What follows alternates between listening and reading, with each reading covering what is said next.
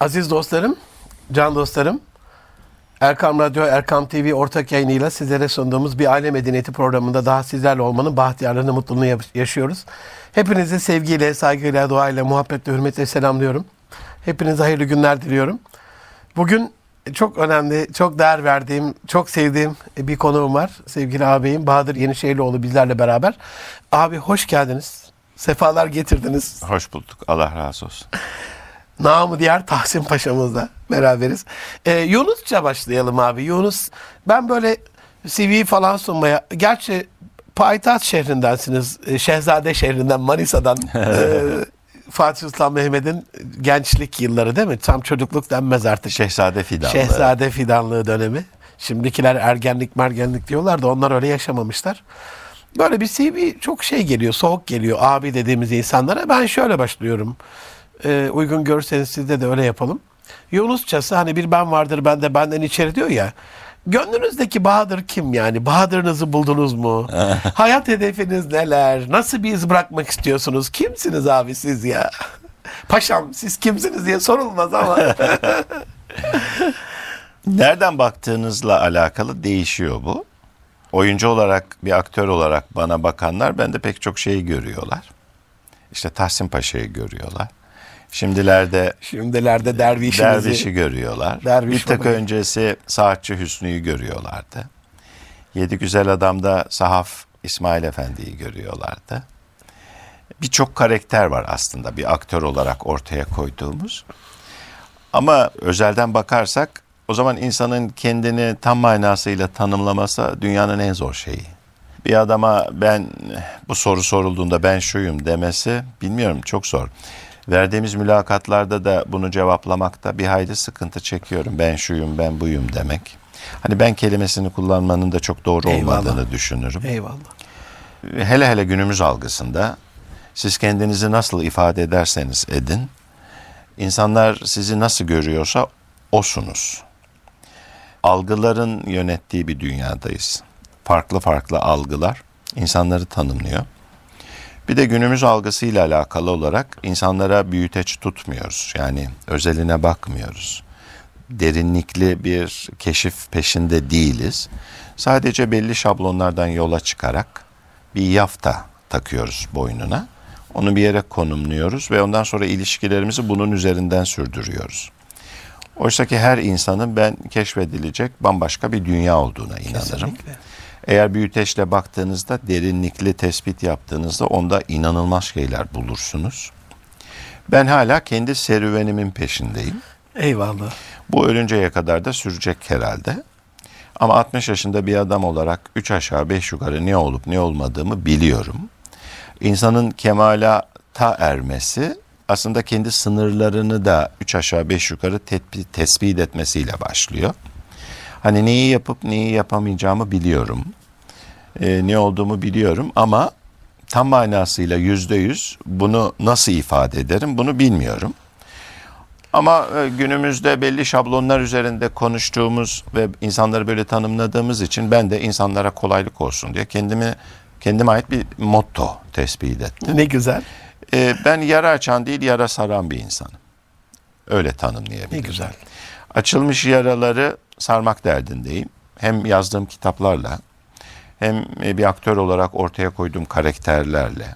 Yara açan değil, Yara, yara, saran. saran bir insan olmak. Çünkü bu toplumun, çağımız insanının açılmış çok yaraları var. Hatta bunların çoğu çok derin yaralar. Ama işin daha kötü olan tarafı pek çoğumuz bu yaraların farkında değiliz. Hani şakır şakır kanıyoruz aslında cemiyette ama kanadığımızın da farkında değiliz. O yüzden bir üst akıl gözüyle bakabildiği kadar bakıp özellikle sanatçıların e, insanlara şifa olacak şeyler üretmesi lazım. Acımasız bir dünyanın içindeyiz. Hoyrat bir dünyanın içindeyiz. Merhametsiz bir dünyanın içindeyiz.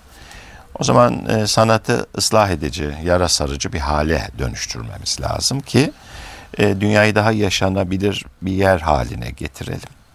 İstanbul'daysak İstanbul'u daha güvenli bir hale getirelim. Eyvallah. Pimi çekilmiş bomba gibi insanımız günümüzde ne zaman patlayacağını bilmiyoruz. Bunun pek çok sebebi var. O yüzden bu bombaları patlatmadan yol almak derdindeyim. işe yarar işler yapmak istiyorum. Elhamdülillah yapıyorsunuz da fazlasıyla. Ama Bahadır Yenişehirlioğlu kimdir dersen işte bir Adem oldu. Başka bir şey değil. Eyvallah. Bilge Kral Aliye İzzet Bekoviç rahmet olsun. O da mezar taşında en son geldiği nokta en zirve nokta aslında Abdullah. ya. Men arefe nefse arefe Rabbe buyurmuş ya Peygamber Efendimiz sallallahu aleyhi ve sellem. Hani nefsini bilen, kendini bilen Rabbini bilir. Aslında bir Rabbe ulaşma, Rabbe kavuşma, onunla buluşma, onu tanıma, onun o hakimiyeti, büyüklüğü karşısında dehşete düşme ve kendi acziyetini anlama. Bir anlamda da hani onun lütfuna mazhar olmak için dua kapısı aslında bütün hayat. Topluma şifa olmak oradan yola çıkarsak. En son hani hukukçu kimliğiniz var, muhteşem bir yazar kimliğiniz var. Allah daim eylesin. Amin. Ee, hikmet kapısını ilmiyle dün de size açık eylesin inşallah. Hem Amin. izleyenlerimiz hem dinleyenlerimiz dua etsinler inşallah. İnşallah. İhtiyacımız var böyle güzel dostlara. Ama son dönemde e, bu da yatsınamaz bir gerçek ki biz sizi Payitaht Abdülhamit'teki Tahsin Paşa rolüyle gönlümüze kabul ettik. Ondan evvel kendi yakın çevrenizde çok saygın, e, çok böyle müstesna bir yeriniz olduğu çok kesin. Çünkü ben bireysel sohbetlerinizde de yakinen gördüğüm kadarıyla hani sonradan bir yere dahil olan bir insan değil, baştan beri, evveliyatından beri e, çok güzide özel insanların, e, üstadlarımızın gönlünde olan bir şahıssınız. Ama hani bütün İslam coğrafyasında o 300 yıldan, 300 yıldan beri kanası yarayan ama bunun farkına varan varmayan gönüllere Paşa rolünüzle Tahsin Paşa ona da gerçi rolü ben oynamadım yaşadım diyorsunuz da şimdi o rolü oynadınız girdiniz demek ayıp olur size karşı. Yaşadığınız bir rol. Son dönemde bu yaralarımızın var olduğunu, bunun da sarılması gerektiğini anlatan bir mesajınız da var. Direkt yarayı sarın demeseniz bile o gelen dualar, o ağıtlı çekilen, paylaşılan klipler, her klibin altındaki yorumlar. Bu Osmanlı'ya olan teveccühü, tarihe olan ilgiyi bu anlamda e, çekimlerde de bizzat yaşayan, o ruhu yaşayan birisi olarak nasıl yorumluyorsunuz?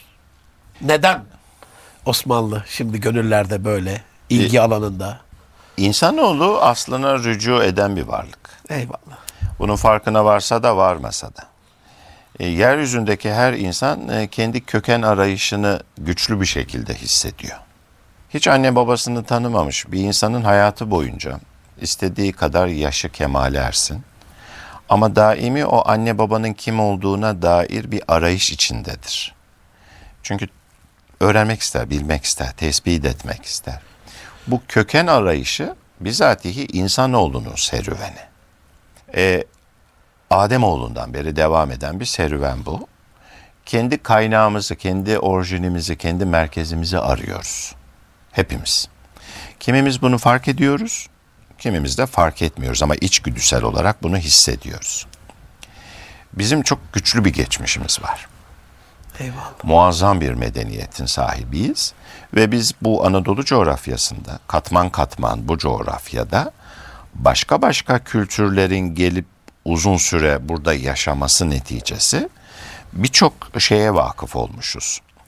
Hani Anadolu coğrafyasını bir toprak tabakası gibi düşünseniz her katmanında başka bir medeniyet, başka bir dünya, başka bir kültür görürsünüz. Bunların tamamının harmanlanması işte bizim e, medeniyetimizi ortaya koyar. Orta Asya'dan beri gelen Anadolu üzerinde konuşlanmış ve büyük bir coğrafyaya hükmetmiş bir medeniyet kendi köklerimizi keşfettikçe aslında muazzam bir medeniyeti keşfettiğimizi görüyoruz. Ben buna rahmet medeniyeti diyorum. Eyvallah. Merhamet medeniyeti, şefkat medeniyeti. Dünyada evet başka medeniyetler de var. Güçlü dediğimiz tırnak içinde o gücü nasıl yorumlarsanız yorumlayın. Ama bizim ortaya koyduğumuz medeniyet e, sömürmemiş, yok etmemiş, aşağılamamış, dilini, dinini ve kültürünü korumalarına izin vermiş, hak ve adalet kavramlarından beslenmiş. Eğer hak ve adalet kavramlarından beslenen bir medeniyet inşa ediyorsanız, o zaman o coğrafyalardaki insanları mutlu edersiniz. Kendini ifade ettiğine, dinine, kültürüne, yaşantısına karışmıyorsanız muhteşem bir özgürlük alanı ortaya koyarsınız ki gerçek medeniyet budur. O yüzden Osmanlı'nın içinde farklı kültürler, farklı dinler, farklı medeniyetler neşve nema buldular. Kendilerini ifade ettiler. Biz diğer toplumların oluşturduğu medeniyetlerdeki o sömürü hadisesini aşağılamayı, yok etmeyi, bastırmayı, sindirmeyi asla gerçekleştirmedik. Eğer yapmış olsaydık dünyanın pek çok coğrafyasında Türkçe konuşuluyor olurdu. Ya. Oysa ki şimdi Pakistan'a gittiğinizde küçücük bir ayakkabı boyacısının bile İngilizce konuştuğunu görüyorsunuz. Bu İngilizleri sevdiğiyle alakalı değildir. O dilin ona empoze edilmesiyle, kendi dilini, kendi kültürünü kaybettirmeleriyle alakalıdır. Kesinlikle. Bu muhteşem medeniyeti tespit edince ve bunun da bir uzantısı olduğunuzu görün ve o zaman esas büyük fotoğrafı görüyorsunuz. Bu muhteşem bir şey. E, Tahsin Paşa bu medeniyetin uzantısı aslında. Bir parçası.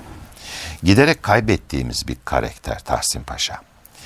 Eskiden yaşadığımız coğrafyada, topraklarda, mahallelerde, şehirlerde sırtımızı dayayabileceğimiz, güvenebileceğimiz, başımıza bir sıkıntı geldiğinde kapısını çalabileceğimiz büyükler, abiler, amcalar olurdu. Bunlar mutlak iyilerdi. Mutlak güvenilir kişilerdi. Aklı selim insanlardı. Mahallenin hamisi gibi olurdu. Hani hanımefendiler gidip babaları gibi ona danışabilirlerdi. Çocuklar kapılarını çalıp ondan bir bardak su isteyebilirlerdi dedeleri gibi. Bunu giderek kaybettik biz bu kültürü. Çünkü daha küçük aileler halinde yaşamaya başladık ki aslında en büyük sıkıntı o. Dede ve nine kavramlarını, kültürün birbirine sirayet etmesini kaybettirdik. Hani minimal aile dediğimiz anne baba ve çocuktan oluşan o birime getirince işi birçok şeyi iyi diş ettik. Güdük kaldı. Bu aslında Tahsin Paşa'da gördüğümüz o güven, sadakat, muhabbet, e, kadim değerlere saygı, inandığı değerler manzumesi noktasında ölümü göze alabilecek kadar da kararlı bir adam. Yani koyun değil. Gerektiğinde arslan olmayı bilen bir karakter. Aslında bu coğrafyanın en önemli karakterlerinden biri. Bunun adı Tahsin olabilir, Ahmet olabilir, Mehmet olabilir, Abdullah olabilir, değişir. E, kaybettiği bu değeri gördü sanıyorum bu coğrafyanın insanı bu karakterde. E, Abdülhamit Han gibi çok önemli bir şahsiyete eklemlenmiş bir karakter. Gölgede kalmış ama her daim onu koruyan, kollayan, ona yön gerektiğinde veren, bilgileri ona aktaran sır katibi. E, bu dolayısıyla bu yoldan yola çıktığımızda baktığımızda bu karakterin gerçekten çok sevildiğini görüyoruz. Bu o karakteri nasıl yorumladığınızla alakalı ama o kısma girmiyorum. Artık o ben kendi nefsimi tatmin etmiş olurum. Şöyle iyi oynadım, böyle iyi oynadım. Karakterin büyüsü buydu. Şimdi görüyorum ki sadece Anadolu coğrafyasında değil, Türkiye Cumhuriyetlerde dizi izleniyor, aynı refleksi alıyoruz. Elhamdülillah. Arap coğrafyası ne kadar pek çok ülke yasak getirse de bizim diziye İzliyorlar. YouTube üzerinden aynı refleksi aynı alıyoruz. şekilde. Balkanlarda aynı refleksi alıyoruz. Dünyanın kaybettiği bir karakter bu. Sevdiğimiz bir karakter. Onun için hoşlarına gidiyor. E, bunun çok büyük etkisi olduğunu düşünüyorum. Her ne kadar bunu çok ifade etmesek de bu içsel olarak öykündüğümüz bir şey. Kim dedesinin olmasını istemez ki? Dedesiyle muhabbet edebilmeyi, dedesiyle şakalaşabilmeli, dedesinin kendi menkıbesini ona anlatmasını. Bilgeliklerinden istifade edebilmeyi. Yani o masalların ona aktarılmasını kim istemez ki? Bu e, hele hele bir çocuğun babayla kurduğu ilişkiden çok farklıdır dedeyle kurduğu ilişki. Ama biz günümüzde bunu kaybettik. Çünkü zaman değişti, çağ değişti, zaman algısı değişti. Değişti, kesinlikle. Yaşam şekilleri değişti ve giderek küçüldük. E, küçülürken de e, zihni yapımızı da küçülttük aslında. Ben büyük aile kavramına hep inanmışımdır. Büyük ailelerin içinde yetişen çocukların çok daha sağlıklı olduğunu düşünürüm. Sevgi ve muhabbet çemberi içerisinde dayılarla, teyzelerle, büyük annelerle, büyük babalarla, annelerin, babanın ve o yaşam alanının içerisinde büyüyen çocukların çok daha sağlıklı olduğunu Daha vitaminli. Evet, büyüyorlar. daha vitaminli. Kesinlikle. Kesinlikle. E şimdi apartmanınızdaki kimseye güvenemez haldesiniz. Bir anne baba e, apart yani bir istatistik yapalım. Bizi izleyenler bir sorsunlar kendilerine. E, çocuğunu apartmanda hangi komşuya gönderebiliyor? Girişte başlıyor güvensizlik. Herkesin kişisel şifresi farklı abi bir kere. Apartman Evet. şifresi yok. Bu bizi bu bizi küçültüyor. Evet. E, bu içimize kapandırıyor bizi. Ve bu kapanma daha savunmacı ve daha korkak insanlar haline. Yani herkese karşı gardımızı alma, herkese karşı temkinli olma, göğsümüzü açamama, gönlümüzü açamama noktasına bizi sürüklüyor. Bunun ben Maalesef. çok sıkıntılı olduğunu düşünüyorum. Karakterin belki bu kadar çok sevilmesinin sebebi unuttuğumuz, kaybettiğimiz ama öykündüğümüz bir adamı, bir karakteri tekrar kanlı canlı görüyor olmakla Elhamdülillah. alakalı. Elhamdülillah. Allah razı olsun. E, konjektür olarak tabii Barbaroslar Akdeniz'in kılıcına değinmeden olmaz. Oradaki derviş, baba mı diyeyim, derviş diyeyim. E, eklentisi yok. E, bir, biraz ipucu alabilir miyiz? Daha çok yeni bir proje Evet, ama evet. TRT'nin çok büyük bir projesi. Özendiği bir proje, milyon dolarlık bir iş. Her şey çok ince hesaplandı. E, Hollywood standardında bir iş yapılma gayreti var. Kurduğumuz platolar öyle, sanat öyle çalıştı, kostümler öyle, iyi oyunculuklar var. Orada da derviş benim karakterim ama dervişin kim olduğu zaman içerisinde ortaya Belli çıkacak. olacak. Fakat daha ilk üç bölümde insanların paylaşımlarına bakıyorum derviş baba demeye Onun için başladı. de benim dilimden öyle çıktı yani derviş baba. E, o da şifalı bir karakter. Güçlü Eyvallah. bir karakter. Ana Eyvallah. yani dizinin ana karakterlerinden biri. E, buradan mutlaka takip etsinler, izlesinler istiyorum. İnşallah. Bir, bir sebebi de şu. Ben bazen sosyal medya hesaplarında beni takip eden dostlarımızla iletişim halinde olmayı ve aslında zaman zaman da onları sarsmayı seviyorum Eyvallah. sosyal tespitler yapıyorum. Ee, Barbaros Hayrettin Paşa'nın sancağı var malumunuz. O sancakta simgeler var. Ben e, onun bir reprodüksiyonunu yaptırıp evimde duvara astım. Sadece bir fotoğraf paylaştım. Dedim ki duvarımda görmekten büyük mutluluk duyuyorum diye. Başka bir şey yazmadım. Özellikle refleks ne olacak diye. Anladım ki gelen yorumlardan Türk insanı, günümüz insanı Barbaros Hayrettin Paşa'nın sancağını bilmiyor. E, o sancağı e, sizi Bahadır Bey kınıyoruz, eleştiriyoruz sizi Yahudi simgeli bir şeyi duvarınıza asmışsınız gibi.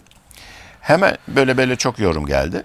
Hemen akabinde İstanbul Deniz Müzesi'nde Barbaros Hayrettin Paşa'nın orijinal sancağı var. Cam fanus içerisinde. Onu paylaştım ve üzerindeki simgelerin ne ifade ettiğini paylaştım ki bilgi olsun. E, buradan yola çıkarak söylüyorum. Bizim tarihimiz o kadar büyük ve o kadar muazzam kahramanlarımız var ki. Kesinlikle. E, Barbaros Hayrettin Paşa da bunlardan biri. E, Osmanlı için Akdeniz ne ifade etmiş? Akdeniz'in bir Türk gölü olmasının sebebi ne? Bu adamların derdi neymiş? Aslında bunun hikayesini anlatacağız. Akdeniz bugün için de çok önemli bir alan. Kesinlikle. Türkiye Cumhuriyeti için de çok önemli. Bir de ecdadımızı biliyor olmamız lazım. Hani gerçek manada e, bir medeniyetin temsilcisiysek biz Anadolu coğrafyasında yaşayanlar e, kendi kültürümüzü, kendi kadim değerlerimizi, kendi dinimizi biliyor olmamız lazım. Üç aşağı beş yukarı. Bizi var eden parametrelerin neler olduğunu keşfetmemiz lazım. Çünkü küresel güçler o kadar güçlü saldırıyor ki, zihni yapımızı öyle bulandırıyor ki, bizi asli kaynaktan, köklerimizden koparmak için ne gerekiyorsa yapıyor ki, aslında biz farkına varmadan kullanılabilir bir prototip haline dönüşüyoruz. Maalesef. Buradaki bütün değerleri, bütün kutsalları zihnimizdeki boşaltıp kendi değerlerini, kutsallarını boca edince artık onların ortaya koyduğu parametreler üzerinde değer algıları üretiyoruz. Bu da bizi kendi tarihimize, kendi milletimize, kendi kültürümüze, ananemize yabancı ama başı, başkalarına, batıya öykünen, onların değerler dediği o dünya üzerinden düşünmeye çalışan insanlar haline getiriyor. Bu bizi iyiliş ediyor. Kesinlikle. Düşünemez hale geliyoruz, üretemez hale geliyoruz. Oysaki köklerimizi keşfetmemiz lazım. Köklerimizden biri de Barbaros Hayrettin Paşa. Eyvallah. Yıllarca bu ülkede Abdülhamit Han Kızıl Sultan olarak bilindi. Maalesef. Ne acı ki kendi insanımız da böyle öğretti. Milli eğitimimiz de böyle çalıştı yıllarca. Ama sonra bir dizi yapıldı ki bu önemli şahsiyetin Kızıl Sultan değil, çok önemli bir şahsiyet olduğu ortaya çıktı. Görsel sanatlar son derece etkili. Ben hep söylüyorum, söylemeye de devam edeceğim. Görsel sanatlar nükleer silahlardan daha etkili. Kesinlikle. Ciltler dolusu kitabın yapamadığını bir dizi filmle ortaya koyuyorsunuz. Allah anlamamızı nasip eylesin. Amin. Barbarosların yapılma amacı da bu. Biz artık yıllarca hani e, Amerikalıların o olmayan kült karakterleri üzerinden onlara öykünerek, onları anlamaya çalışarak, onları yorumlamaya çalışarak, onların oyuncaklarıyla çocuklarımızı oynamaya yani çok yanlış olmasına rağmen eleştirmiyorum ama böyle bir gerçek var. Artık kendi kültürümüzün kodları, kendi kahramanlarımızla hemhal olmamız gereken zamanlardayız. Sanat da görsel sanatlar özellikle bunun en güzel anlatım aracı. Eyvallah. Çok daha iyi işler devam edecektir. Dualarımız sizinle. Ee, Amin. merakla bekliyoruz. İnşallah o da aynı Payitaht Abdülhamit'teki gibi İnşallah. gönüllere yerleştirecek. Bilincin, şuurun oluşmasına vesile olacaktır. Öyle Ama- inanıyorum. Ama bu şuur, bu bilinç evet e, hani devletin sorumluluk alanı olduğu gibi önemli bir kurum olan TRT'nin de sorumluluk alanı olduğu gibi en önemli sorumluluk aile. Eyvallah. Çünkü evlatlar ailede yetişiyorlar. İstediğiniz kadar eğitim verin çocuklarınıza. Üniversite eğitimi alsınlar, yükseklerini yapsınlar falan falan. Bir kartvizit elde edebilirler. O onlara bir kimlik sağlar, bir meslek sağlar. Ama esas terbiye ailede alınır. Eğer biz aileyi korumuyorsak, aileyi ıslah etmiyorsak, ailedeki anne ve babayı donanımlı hale getirmiyorsak, o takdirde onların evlatlarını yani neslimizi kaybediyoruz. Canım abim çok güzel gidiyor ama kısa bir ara da vermemiz gerekiyor. Tabii. İzninizle e, affola. E, Can dostlarım Erkam TV, Erkam Radyo ortak yayınıyla sizlere sunduğumuz Alem Medeniyeti programımız Bahadır Yenişehirlioğlu ağabeyle devam ediyor. Bizden ayrılmayın. Osmanlı'yı, Osmanlı ailesini, günümüz ailesini konuşmaya şimdi başlayacağız. Bu girizgah kısmıydı. Az sonra görüşmek üzere. huzur bulacağınız ve huzurla dinleyeceğiniz bir frekans. Erkam Radyo, Kalbin Sesi. Can dostlarım, Erkam TV, Erkam Radyo ortak yayınıyla sizlere sunduğumuz Aile Medeniyeti. Bugün çok sevdiğim e, sevgili dostum ağabeyim Bahadır Yenişehirlioğlu ağabeyle devam ediyor. Yeniden hoş geldiniz. Hoş bulduk.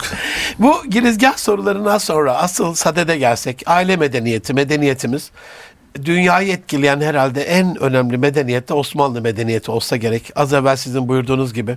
Macaristan Devlet Başkanı bir 12-13 yıl oldu. Ee, Bunu canlı yayında izleme şansım oldu. Bizi iyi ki 462 yıl Osmanlı idare etti. Başka bir millet idare etseydi ne Macarca olurdu, ne Macaristan olurdu, ne de dinimiz kalırdı diye böyle söylemişti. Bugün sömürgelerin yaptığı küçücük Portekiz'e bakıyorsunuz. Güney Amerika'da neler yapmış? Afrika'da İtalyanlar, Fransızlar, Almanlar, İngiltere ta Avustralya'dan İngil e, Hindistan'a varıncaya kadar neler yapmış? E, övündüğümüz bir ecdadımız var. Zaten Tahsin Paşa rolünde de dediniz o beşli Osmanlı kayıp değeri en önemlisi adalet herhalde. Müsamaha göstermiş, hoşgörü. Geçen bununla ilgili bir şey okumuştum abi. Bu Ermenistan, Azerbaycan şeyinde ya en rahat olduğunuz vakit Osmanlı vaktiydi. En mutlu olduğunuz. Sosyolojik bunu kendi yazarları şey yapmış. Niye böyle kaşınıyorsunuz gibi bir yazıydı. Hakikaten e, iyi bir öz eleştiriydi onlar açısından. Hiç kimse kimseye karışmamış. İbadetleri aynı, hayatlar aynı. Buradan abi çocukluğunuzdaki aile yapısına biraz değinmenizi istirham ediyorum. O asil duruşunuz, ailenizdeki asalet, sizdeki asalet. Böyle bir karşılaştırdığınızda o eski eskimeyen çocukluk anılarımız aslında. Oradaki çocukluğunuzla, oradaki aile yapısıyla günümüz ailesine baktığınızda ne görüyorsunuz? Oradan Osmanlı'ya geleceğim. Çocukluğunuzdan bir böyle gelirsek bugünlere. Kültürün ailede e, verildiğini, ailede başladığını biliyorum. Buna da inanıyorum bütün kalbimle. Aldığınız eğitimler sizi e, istediğiniz kıvama getirmiyor. Çünkü yeterli aile terbiyesini, aile görgüsünü almayamış fertlerin iyi eğitimler almış olsalar bile bir yerlerinden açık verdiklerini görüyoruz. Arzu ettiğimiz mükemmelliğe ulaşmadığını görüyoruz. Kesinlikle. Oysa ki o ilk terbiye çünkü küçüklükte size işlenen şeyler müsbet ya da menfi. Bu menfi de olabilir. Hayat boyunca sizinle gidiyor. O yüzden e, çocukların yani çocuk dediğiniz şey geleceğin idarecileri, e, bir toplumu var eden Eyvallah. evlatlar geleceğin büyükleri. Eğer bunlar sağlıklı büyütülürse ki kaynak ailedir. O zaman e, sıkıntısız insanlar oluşuyor. Kendiyle barışık, ne yapmak istediğini bilen evlatlar. Orası rahat geçerse. E, çocukluğunuza bağlı. Bütün e, psikolojik problemler çocukluğunuzda yaşadığınız travmalarla alakalı değil mi? Yani, Yani kökeni 60, 60 yaşına da gelseniz, kökeni o. 80 yaşına da gelseniz o içinizde depreşir. Ama kaynağına döndüğünüzde hani bir psikiyatristin önüne gidip onun divanına uzandığınızda o sizin çocukluğunuzdaki aksayan noktayı size gösterir. O çocuklukla alakalıdır. O yüzden aile kavramı çok önemli. E, belki de bu yüzden muhtemel ki bu yüzden küresel güçler düşmanlık yapmak için hedef kitle olarak gördükleri toplumları, devletleri, cemiyetlerin önceki aile yapılarını aşındırmak, bozmak, değiştirmek, dönüştürmek ve parçalamak için muhteşem organizasyonlar idare ediyorlar. Aile üzerine saldırıyorlar. Aile mefhumu üzerine kurguluyorlar yapmak istedikleri küresel hegemonyalarını. Çünkü biliyorlar ki aileyi tarumar ettiklerinde, aileyi dağıttıklarında o zaman o cemiyeti istedikleri gibi değiştirip dönüştürüp yönetebilirler. tek tek yakalamış olacaklar Evet. çünkü fertleri. E, bu bir vaka, realite. O zaman bizim e, maziden referans alarak güçlü aile kavramını yeniden inşa etmemiz gerekiyor. Bakıyorum da aslında çocuk esas terbiyeyi anneden alıyor. Baba o kadar etkili değil çocuklar üzerinde. Güvenli bir ortam temin ediyor. Ailenin iaşesini temin ediyor. Babaya düşen vazife huzurlu, güvenli, sağlıklı bir aile çatısı oluşturmak. Lojistik desteği baba veriyor sanki ama içerideki şey Genelde anne. öyle Evet. baktığımız zaman Doğru, Türk aile yapısına. Ama anne bizatihi çocuğu işleyen bir faaliyet içerisinde. Anneden çok etkileniyor çocuklar. Babanın ve annenin birbiriyle uyumu, birbirini seviyor olması O erken çocukluk döneminde. Evet. Çocuğun şehadetinde. ve çocuğun da bunu tespit ediyor Eyvallah, olması Eyvallah. e, sonradan fark ettim, sonradan öğrendim. Peygamber Efendimiz sallallahu aleyhi ve sellem e, eşinin ağzına lokmayı verirmiş. Şimdi bir annenin bir babayla iletişimini çocuk izliyor. Aynı sofradasınız. Baba muhabbetle annenin ağzına bir lokma veriyor ve ona sevgiyle bakıyor. Çocuk da bunu görüyor. Bu muhteşem bir şey. Bu öyle yara saran bir şey ki. Birbirini seven iki insanın ona ait olduğunu hissediyor çocuk. İşte böyle ortamlarda muhabbetin, sev, sevginin, şefkatin olduğu ortamlarda çocuklar yetişirse hele hele buna dedeler, nineler de Eyvallah. katılıyorlarsa o zaman mükemmel bir şey çıkıyor ortaya. Belki Türk milletinin bunca zamandır böylesine güçlü medeniyetler, devletler kurmasının ana sebebi güçlü aile kavramıyla alakalı. Aile güçlüyse devletler yıkılabilir. Tarihte çok örneği var ama yeniden devletler kurulabilir. Yeniden ayağa kalkabilir. Altyapı sağlam çünkü. Altyapı sağlam. Hatta bir sonraki kurulan diğerinden daha güçlü. Çünkü deneyimli olarak geliyor. Ama aile kavramı yitirilirse o zaman tekrar devlet kuramazsınız. Müstemleke haline gelirsiniz. Şimdi batıya bakıyoruz. Kah Avrupa'ya, kah Amerika'ya inanılmaz derecede yaptıkları hataları kendileriyle alakalı fark ediyorlar ve aile kavramını korumak için devletler tedbirler getiriyorlar.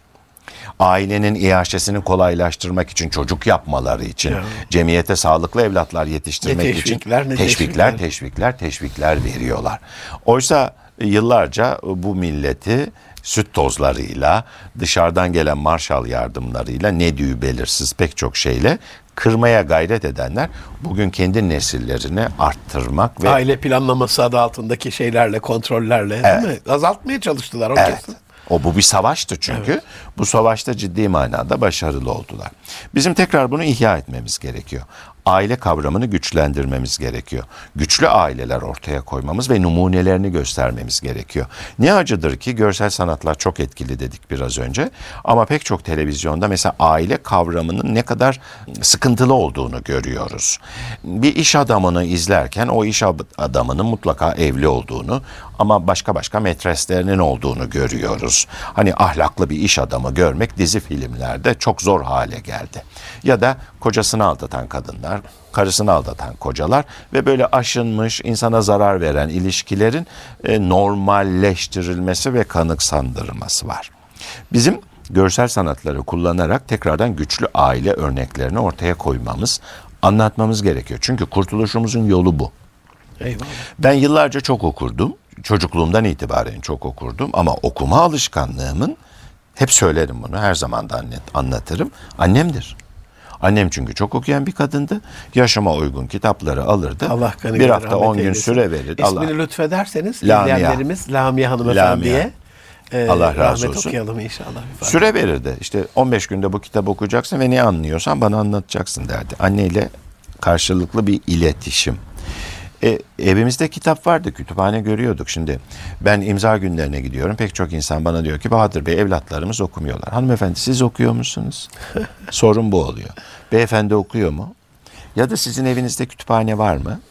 Çok masraflı olmasına gerek yok. Eyvallah. Marangozdan alınan iki tane kalası yan yana alt alta dizeceksiniz. Oraya güzel kitaplarla süsleyeceksiniz. Yani bardak çanak sıralamaktansa büfelerde Kesinlikle. kitap sıralamanın çocuk açısından çok ehemmiyetli olduğunu düşünüyorum. Anne baba okursa çocuk okuyor. Çünkü okuma kültürü evin içinde başlayan bir şey. Anne baba birbirini seviyorsa çocuk, Çocuk ileriki seviyor. yaşlarda evlendiği eşiyle muhabbetli oluyor. Kız ya da erkek. Çünkü sevgiyi tanımış oluyor. Anne baba çocuğunu gerçek manada severse, sevgiye doyurursa o birey anne babadan bağımsız bir birey haline geliyor toplumda. Anne babadan şefkat görmeyen çocuk problemli çocuk haline dönüşüyor. E şimdi günümüz algısıyla hanımefendiler diyor ki çalışıyorum, yorgun argın geliyorum.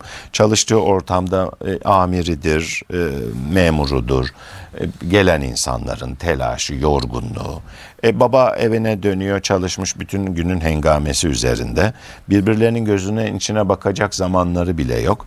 İşte yemeği sen yap, bulaşığı ben yıkayayım paylaşımı. Arada anaokuluna gitmiş ya da bakıcıya verilmiş bir çocuk yorgun annesiyle temas kurmak derdinde ya da babasıyla. ilişkiler zedeleniyor.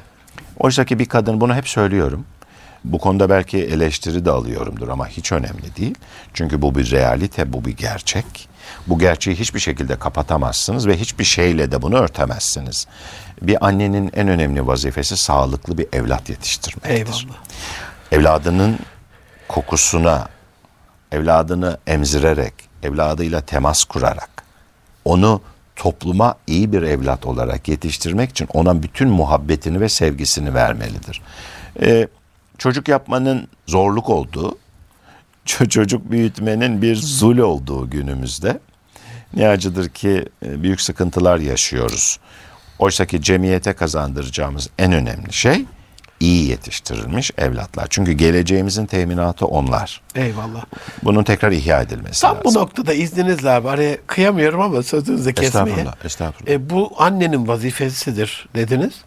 Zaten hani Rabbimiz bunu bilmiyor olabilir mi? Yaratacağı yavruyu annenin rahmine teslim ediyor. Evet.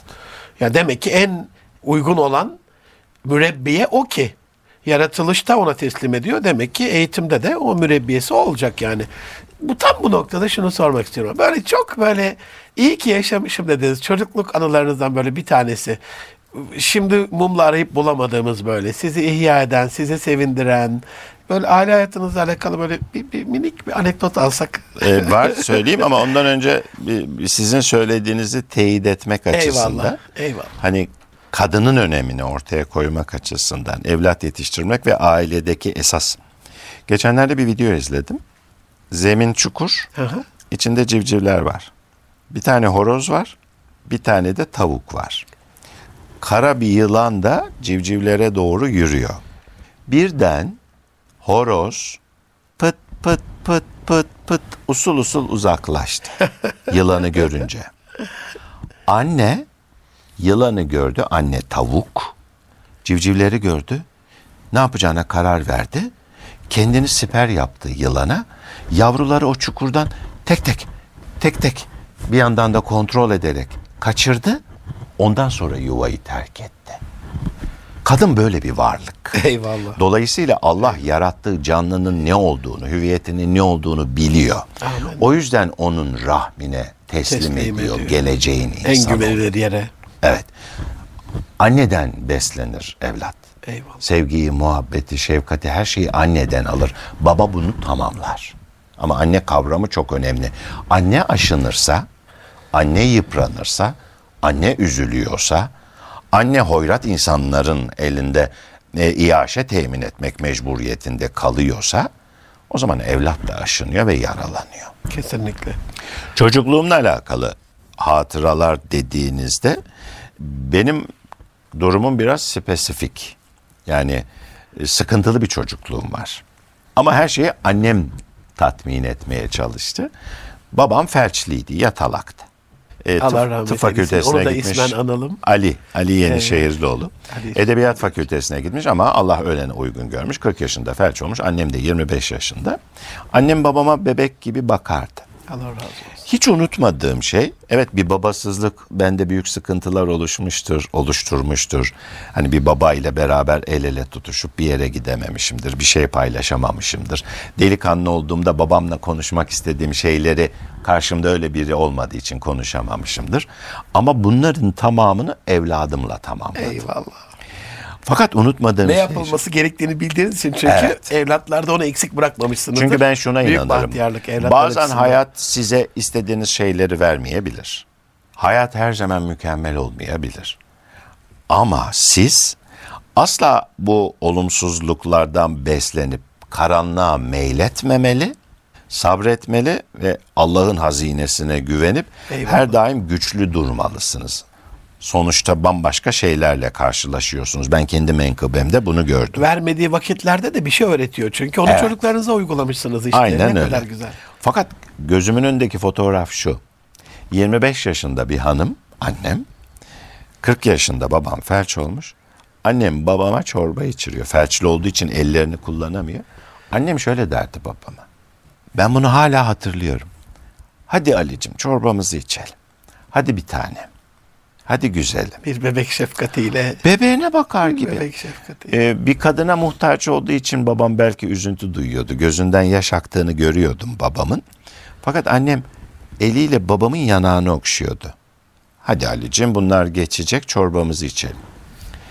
Annem şayet şöyle bir dünya kurmuş olsaydı bu benim kaderim, ben bunu niye yaşadım, bu yaşta böyle yatalak bir erkekle muhatap oldum. Annem kendini kaybetmiş olsaydı ve daimi bir serzeniş ve şikayet içinde olsaydı o ortam içerisinde ben büyüseydim bugün böyle sağlıklı olmazdı. Eyvallah. Ama annemin o şefkati babamla alamadığım eksikliği tatmin vazifesi bir şeyleri eksik bıraktı ama ruhen beni yaralamadı. Eyvallah. Bilakis besledi. Bilakis, Bilakis besledi. besledi. O eksiklikleri yarın bir gün ben sağlıklı bir aile kurunca şöyle dedim kendi kendime. Babanla yaşayamadığın şeyler mi var? O zaman dua et Allah sana bir oğul versin oğlunla yaşa. E, nitekim bir oğul verdi Allah bana oğlumla tamamladım. Yani düştüğünüz yerden güçlü kalkmayı biliyor olmanız lazım. Aile mefhumuna inandıktan sonra ben hep söylerim. Dış dünya fırtınalı olabilir çok kaotik olabilir. Çok üzülüyorsunuzdur, çok yoruluyorsunuzdur. Ama ben her daim şunu hissettim. Evim benim güvenli limanım. Eyvallah. Kapıyı çaldın. Ben e, uzun yıllar avukatlık yaptım. Eşim e, sadece evde e, oturan, çocuk büyüten bir hanımefendi değildi. Bambaşka sorumlulukları vardı, faaliyetleri vardı. Allah razı olsun. Fakat şöyle bir prensibi vardı eşimin. En büyük organizasyonları yapıyor olsa da e, Bahadır şu saatte eve gelecek dolayısıyla benim evde olmam lazım deyip Ne büyük ben hiç anahtarla kapı açtığımı hatırlamıyorum. Ne büyük bahtiyarlık. Kap- ne zaman zile bassam Canan gülerek beni karşılamıştır. Allah Biz de çocuklarımızı muhabbetli anne babanın sevgisini gösterir şekilde büyüttük. Allah e şimdi kendi olsun. kızıma bakıyorum, kendi oğluma bakıyorum. Allah'a çok şükür yani psikolojileri düzgün. Elhamdülillah. Onlar da Allah daim eylesin. Evet. Onları da Bu dua çok edelim. önemli. Bu zincirleme reaksiyon Kesinlikle. yapıyor. Kesinlikle. Bunu yapmamız, bunu hayata geçirmemiz lazım. Abi siz onca güzel eseriniz yanında hani yazarlarınızın dışında okur olarak da biliniyorsunuz. Yani biz Bahadır abimizin çok iyi bir okur olduğunu biliyoruz. Elimden Osmanlı geldiğince. ile olan bu münasebetiniz dolayısıyla da hani oraya odaklandığınız için okumalarınız size Osmanlı'nın aile yapısıyla alakalı e, neler söylüyor? O dönemlerden bize söyleyeceğiniz böyle pratik ipucu. Yani Osmanlı şöyleydi. Osmanlı aile yapısı itibariyle ne kaldı zihninizde? Bize e, lütfederseniz birkaç böyle sır. Üstad Osmanlı'dan önce Selçuklu medeniyeti var Eyvallah. malumunuz. Eyvallah. Bizim e, esas medeniyetimiz Selçuklu medeniyeti. O çünkü daha orijin, daha saf, daha yalın. Malumunuz daha sonra o güçlü aile yapılarıyla kurulan o Selçuklu medeniyeti batıya doğru yol aldığında Bizans'la karşı karşıya kalıp daha sonra bu iki kültürün birbiriyle geçişmesi neticesi Osmanlı doğmuştur. Yani Osmanlı'ya baktığımız zaman bir parça Bizans'ın etkilerini de görürüz müspet manada diyorum bunu. Yani iki kültürün birbiriyle kaynaşması. Selçuklu'da camileri şu anki normal ev Kesinlikle. çatıları gibi Camide görürüz. direkt görürüz bunu yani. Ama Osmanlı'da camileri kilise kubbesi gibi. biraz Ayasofya öykünmesi Evet, şeyi vardır. Yani kültür Kesinlikle. karmaşasından ziyade birbirine karışması. Ama Selçuklu bizim için daha arı, daha duru bir medeniyettir. Daha Türk medeniyetidir. Ve orada aileyi görüyoruz esas. Kadının gücünü. Kadının erkek üzerindeki icabında gücünü. Kadın orada atalet içinde değildir. Cemiyetin dışında değildir. Ayakları yere sağlam basan, güçlü evlatlar yetiştiren ve o erkeğini yönlendirendir. Erkeği besleyendir. Erkek kadından alır gücünü. O çadırın içerisinde, o kıl çadırın içerisinde haneyi ayakta tutan esas güç kadındır. Bizim medeniyetimizde bu böyledir. Ama beyine bağlı, ona muhabbetle bağlı, o savaşçı ruha sahip bir medeniyetin inşasında çok büyük vazife görmüştür kadın. Gerektiğinde halı dokuyarak, gerektiğinde yayık ayran çalkalayarak, bir yandan balasını evladını yetiştirerek, bir yandan kocasına o ruhu vererek, gerektiğinde kılıcını çıkarıp Ya. savaşarak bir medeniyet inşasında kadının asli vazifesini görürüz. İşte buradan bu kodlardan yararlanarak biz yeni Türkiye Cumhuriyeti'nin medeniyetini inşa etme derdindeyiz. Oysa ki referanslarımız belli. İşte İslam kadını ikinci planda tutar, İslam kadını aşağılar, İslam kadını eve kapatır. Biz kültürde bunu görmüyoruz. Biz müsteşriklerin, batılı oryantalistlerin bize bakış açısıyla bir okuma geliştirirsek o zaman bambaşka bir şey görürüz. Bizde harem, Osmanlı'da harem kavramı Enderun mektebidir. Ya. Yarının idare edil- idarecileri için önemli, şahsiyetli, donanımlı, eğitimli, mükemmel hanımefendiler oluşturur. Ama bir müsteşrik yani oryantalist gözüyle bakarsanız sadece hormonal faaliyet yapılan bir alan gibi algılarsınız. O yüzden kendi medeniyetimize kah Osmanlı, kah Selçuklu büyüteçle baktığımızda aile kavramını incelediğimizde güçlü kadınlar görüyoruz. Eyvallah. Güçlü kadınlar güçlü erkekler oluştururlar. Kesinlikle. Allah razı olsun. Bir şeyle bitirelim abi. Programın sonuna Olur. geldik. Ee, diziler, tarih dizileri, kahramanlık öyküleri ama bir taraftan da sosyal medya ve platformların Hollywood'un özellikle 100 yıldır yapmaya çalıştığı şekliyle kadınların erkeklere benzediği, erkeklerin kadınlara benzediği, LGBT sapkınlarının böyle ayyuka vurduğu, artık bunun da yavaş yavaş normalleştirildiği ve bir baskı haline geldiği çok özel bir dönem yaşıyoruz. Tam bu noktada dizilere bizim tarafımızdan onlar o görevi çok iyi yapıyorlar. Yani ben çocukluğumu hatırlıyorum. Bizim evimizde televizyon yoktu. Pazar TRT'nin sinemasında bir dudak dudağa bir öpüşme olduğunda uzaktan kumanda da yoktu abi o dönemlerde hatırlarsınız. o Haziran'dan biri çünkü toplanılırdı mahallede birinin televizyonu vardı kalabalık olurdu o da. İlk fırlayan hicap duyup hemen kapatma düğmesine basardı. Herkes kıpkırmızı olurdu yani o çocukluk şeyini çok iyi hatırlıyorum. Utanma duygumuz vardı yani. Şimdi hep açık. Kumanda da elimizde olmaz. Değiştirme de yok. Normalleşti. Tam bu noktada bizim değerlerimizin hele de böyle yükselen bir değer olarak sizin oynadığınız dizilerde daha böyle elhamdülillah neşnema bulması, onlara daha muhabbetle bakılması Kızıl Sultan yerine ya bizim dedemiz bu. Muhabbet erbabı, adalet erbabı dedemiz diye sahip çıkıldığı dönemde dizilere bu konuda ne görev düşüyor? Çok şey düşüyor. Yine e, Bu mesajla bitirelim inşallah. başına dönüyoruz. Yani aile kavramını bozmadan bir toplumu bozamazsınız. Küresel hegemonyanın, emperyal güçlerin düşmanlığı bunun üzerinden kurulur. Aileyi nasıl bozacaksınız?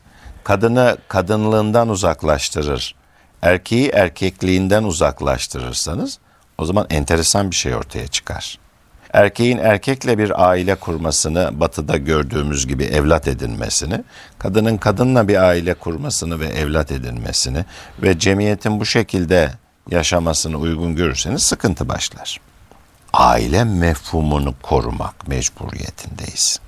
Çünkü ailenin içinden cemiyet doğuyor. Kesinlikle. Fertler. Ailede toplumun rahmi o anlamda değil mi? Aile Oradan doğuyor. toplumun rahmi. Eyvallah. Çok güzel söylediniz. E, devletin de vazifesi bu. Görsel sanatlarında asli vazifesi budur. Evet sanat bir parça e, aykırı olur. Alternatifli düşünür. İçinde böyle bir barındıran, barındırdığı bir yönü de vardır. Ama bu bozmak, yıpratmak, yok etmek adına gerçekleştirilmez sanat. Sanat ihya edici olmalıdır. İnsanın üzerine kurulan Yara bir şey çünkü. ya, Yara sarıcı olmalıdır. Eyvallah. O yüzden ailenin birbirini sevdiği, fertlerin birbiriyle muhabbetli olduğu, neslin orada yetiştiği kavramları, görselleri, filmleri, hikayeleri topluma güzel gösterirseniz o zaman örnek teşkil eder. Eyvallah. Ama aile mefhumunun bozulduğu, erkeğin erkek gibi olmadığı, kadının kadın gibi olmadığı, insanların bambaşka yönlere savrulduğu kavramları doğru gibi empoze etmeye başlarsanız o zaman dinamitin fitilini ateşlersiniz. Tık tık tık tık tık tık tık o yanmaya başlar ve neticede infilak eder. Batının infilak ettiğini görüyoruz. Kesinlikle. Bugün Batı'nın entelektüel, özellikle Fransa'daki aklı selim entelektüellerin, aydınların, felsefecilerin şu an yaptığımız konuşmadan aykırı konuşmalar yapmadığını görüyoruz. Kesinlikle. Eğer- Takip de ediyorum. Eğer aklı selim insanlar neyin ne olduğunu biliyorlar ve takip ediyorlarsa şu şu konuşmayı Fransızcaya çevirelim. Biz Fransız entelektüeller olarak konuşuyor olalım. Hiçbir fark yok. Yani batıda o pespaye yaşantının, Onun acısının o farkındalar süfli çünkü. yaşantının acısını Farkında, yaşıyor ve tekrar kendini imar ve ihya etmek istiyor. Bunu da entelektüeller, felsefeciler konuşmaya başladılar. Eyvallah. Dolayısıyla bu evrensel bir doğru. Bunu korumak icap ediyor. Çok çok teşekkür ediyorum. Ben teşekkür ederim. Ee, size gönül dünyamızı, gönül coğrafyamızda da ihya eden bu faaliyetleriniz için Rabbimizden muvaffakiyetler diliyoruz.